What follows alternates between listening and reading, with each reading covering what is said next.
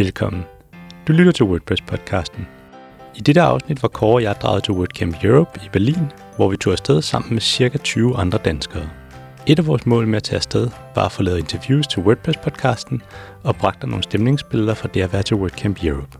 I afsnittene fra WordCamp Europe gør vi en undtagelse. Normalt giver vi dig tre råd med på vejen til sidst i afsnittet, men det springer vi over i forbindelse med vores interviews på WordCamp Europe. Det gør vi for at få indholdet hurtigere ud til dig her i sommerferien. I dette afsnit snakker vi med Craig Hewitt fra Casters, der blandt andet udvikler et gratis plugin til WordPress kaldet Seriously Simple Podcasting. Pluginet hjælper dig, der har en podcast med at gøre det enkelt at udgive podcasts for WordPress. Udover Seriously Simple Podcasting, så er Casters en alt-i-en podcast hosting platform, hvor du kan lægge din podcast ud, så den kan udgives til iTunes, Spotify og som RSS-feed, så dine lyttere kan bruge lige den podcast-afspiller, de har lyst til. Sidst, men ikke mindst, har Craig også grundlagt Podcast Motor, som er en service til virksomheder. Podcast Motor laver redigering, postproduktion og udgivelse af podcast for virksomhederne, så de kun skal fokusere på indholdet. Hi Craig, welcome to the WordPress podcast. Could you for the listeners introduce yourself? Yeah, my name is Craig Hewitt. I'm the founder of Castos, and uh, we're a podcast hosting platform that integrates with WordPress via our seriously simple podcasting plugin. And yeah, thanks for having me on the show here. It's nice to be here at WordCamp Europe. Could you explain a little about the Seriously Simple podcasting plugin and what Castos is, and sort of in layman's term, what is this? Yeah, yeah, for sure. So, so Seriously Simple podcasting is a plugin for WordPress that allows you to manage your podcast RSS feed, which is like the RSS feed is the thing that places like iTunes and Spotify read to show information about your podcast and their episodes.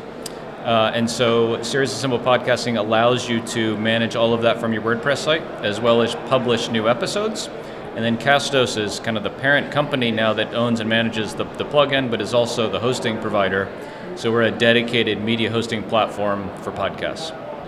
Okay, so if I were to break it down, it's sort of an all-in-one solution for people looking to do podcasts and having somewhere to host it and publish it. Yeah, yeah. So it really is like all-in-one podcast management from WordPress. Yeah. So I have a question. So it's two it's two uh, products as I see it. There's the plugin. I can use it to show podcast episodes on my website, and then there's the hosting. Is that correct? Yep. That's okay. exactly right. Great. Yep. My next question would be, why would you create a service like this for WordPress? Yeah, so I mean, I think it, I think it's like a natural fit, right? Like WordPress, at least started out as just a content management system. Still very much is a content management system, uh, and podcasting is just a form of content. And so people are already blogging or writing articles or whatever on their WordPress site. It's natural for them to want to manage their podcast content from WordPress as well. Um, and I, I didn't come up with the idea. There was uh, the plugin was originally developed by a guy named Hugh Lashbrooke, who now works for Automattic. And Hugh was, you know, going to work at Automattic, needed to kind of be done with owning and managing and updating the plugin. And so we purchased the plugin from Hugh about two and a half years ago, uh, and then built the hosting platform on top of this because we saw like, you know, there's already a bunch of people using it, had a really good track record, uh, and I thought to myself, you know, this is where people are managing their content, but you, you kind of don't, you very much don't want to host your media files on the same server where your WordPress site lives because you think about like Tuesday morning, you publish a podcast episode, and there's hundreds or thousands of people coming to download this huge media file. At the same time, they're on your website. You, you know, a lot of website servers would crash, and hosting providers have limits about bandwidth and things like this. So it's kind of the best practice in the podcasting world to have a dedicated media hosting platform, uh, kind of like you wouldn't host video files on your WordPress site. You use Wistia or YouTube or something. It's kind of the same same model. So for your your hosting platform, I get that there's an idea of having the media file somewhere else than your website, because streaming is, is different. It takes a toll on your, your server. But uh, does your does your service only uh, provide streaming services for for, for podcasts, or, or can you actually also maybe have video on there? Yeah. So we do video as well. Okay. Yep. So uh, you know, it's all it should be around podcasting. You know, we, we offer video hosting, but it's not. Uh, we're not YouTube. Yeah. Cool. Now that you purchased the plugin, the Seriously Simple Podcasting plugin, and moved into the ownership of Castos, did you get any response from the community? How has the community welcomed this? Yeah, for sure. I mean, I think Uh, it- we, we had a, I, I say we, I had a bit of a learning curve, uh, you know, supporting a free product. Uh, I think this is a, a dynamic in the WordPress world that, you know, the, the plugin, the Seriously Simple Podcasting plugin is free and will always be free. It's in the WordPress.org repository and kind of as a rule, those, those are always free. Um, and so, especially like the time from when we purchased the plugin to, to when we launched the, the hosting product was six or seven months of development work, and we were supporting the plugin for free during that time. Uh, and so that was kind of an interesting thing. I'm not a developer, so like people coming with technical questions, I didn't really know what to say or do, and our developer was busy building the product, and so that was like a learning curve. Uh, but at this point, I think we like we really pride ourselves on really really good support, um, really responsive, and probably more than a lot of plugins in the repository give. Um, be, and I think it's because now we have the resources and the people and the development hours available to to support free users. Um, I think it's a dynamic in the WordPress world is there are people like the original developer of the plugin that's just a you know it's just this guy and it's his hobby and he builds it for his church or something like that and then he supports it on the side and that's fine but I think as you get more into like really really serious tools for WordPress that are more mission critical to your site I think they it certainly is helpful to have some some resources behind them. I don't think they should be sponsored by a company, but you know we're five people at our company now helping all of our users, as opposed to one guy that's doing it three or four hours a week and nights and weekends. But I'd say even five, as I talked to you about just before we went online here, that I thought you were much bigger. Uh, so five guys isn't that much, but in a WordPress perspective, it's uh, it's a huge thing because you can actually go in and support this user group that is accustomed to free stuff. Yeah. So, do you think that you need to expand further in terms of employees, or is this like a, a good size fit for, for WordPress companies that that feed into this community? Yeah, I think that like as you as the the business and the usage of the tool grows, you need to grow with it, both kind of all around, like in in support and in development and in marketing and all the business operations.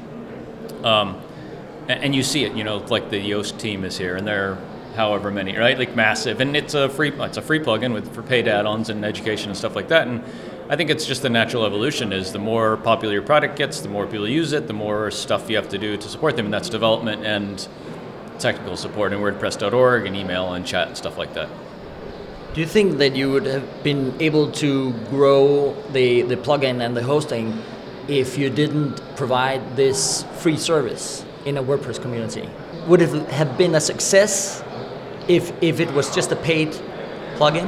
No, uh, it would have been much harder. It would have been much harder because I mean, this is the this is the unintended kind of secret of this whole thing is is two things. One, you know, we bought the plugin with an existing audience already, which is the hardest thing to do in business. Is you have a thing and you go build it, and it just sits there. And there's tons of code out on the internet of apps and plugins and paid products and SaaS tools that are really great, and there's no one to use them. Uh, and so just by chance, we purchased the plugin uh, and had you know 20,000 people already using it, and then we introduced the paid optional you know hosting platform to it, and some percentage of those people are using it now. Um, and so I mean, in, in a lot of ways, WordPress is a fantastic marketing channel for paid products, uh, and the the um, responsibility that comes with that is you're you basically have like a freemium business model. Like the plugin is free, will always be free. We're very happy for it to be free. Our developers get a lot out of supporting our free users that are not hosting customers uh, because they're able to like kind of give back to the WordPress community. Um, and the, the the responsibility comes with this great marketing channel and the exposure we get in coming to WordCamp like this is that we do a fair amount of work that we don't get paid for. And that's okay. It's great. It's great in a lot of ways. You mentioned earlier that uh, you weren't a developer, so I'd be interested in hearing a little about a little bit about your background and uh, why did you start Castos?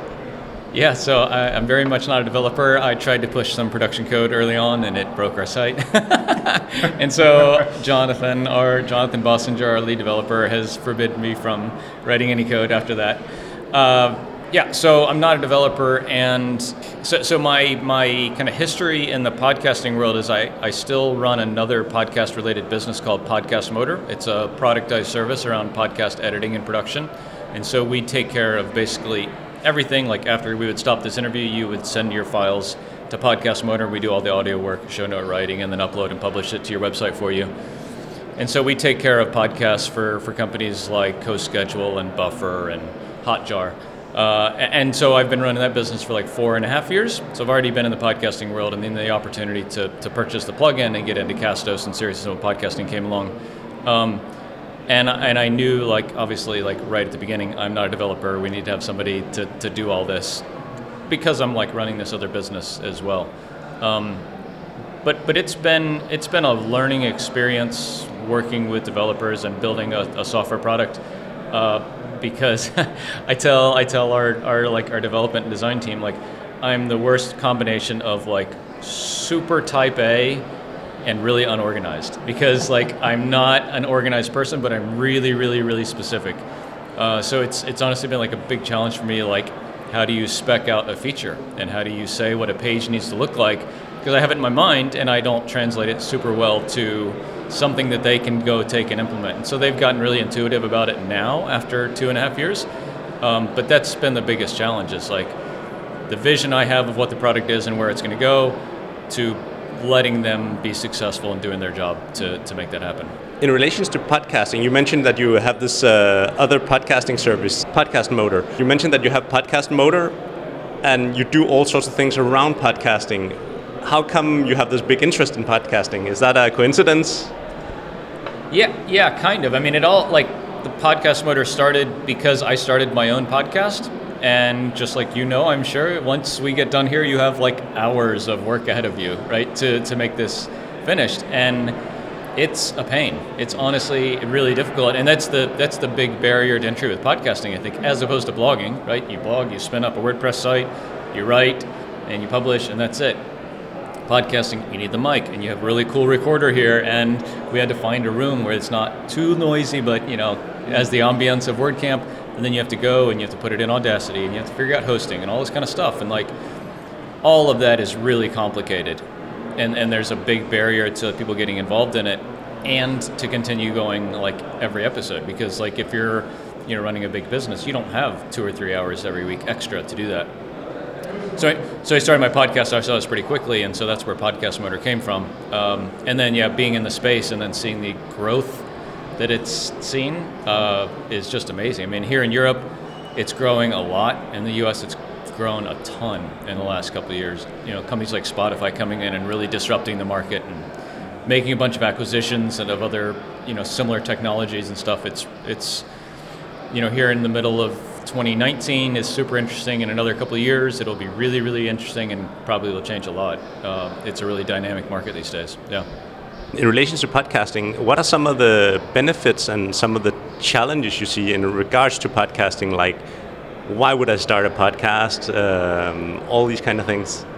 Yeah, I think you know we say with podcasting that it, it, it lets you do two things. It lets you reach a new audience that you can't reach from your blog or YouTube channel or social media just because they don't hang out there and consume content that way, or it lets you connect with your existing audience in a new way, just because you can talk about things that you wouldn't talk about in a blog post. Like this conversation wouldn't really make sense in a blog post as like an interview, but it's perfect for podcasting. And so, you know, people that are already creating some kind of content or have some kind of brand are probably doing something already in, in a form, and that's connecting with a certain type of people. And then podcasting lets you do these other two things of like reaching a new audience that just likes podcasts or giving your existing audience a new type of content to, to enjoy.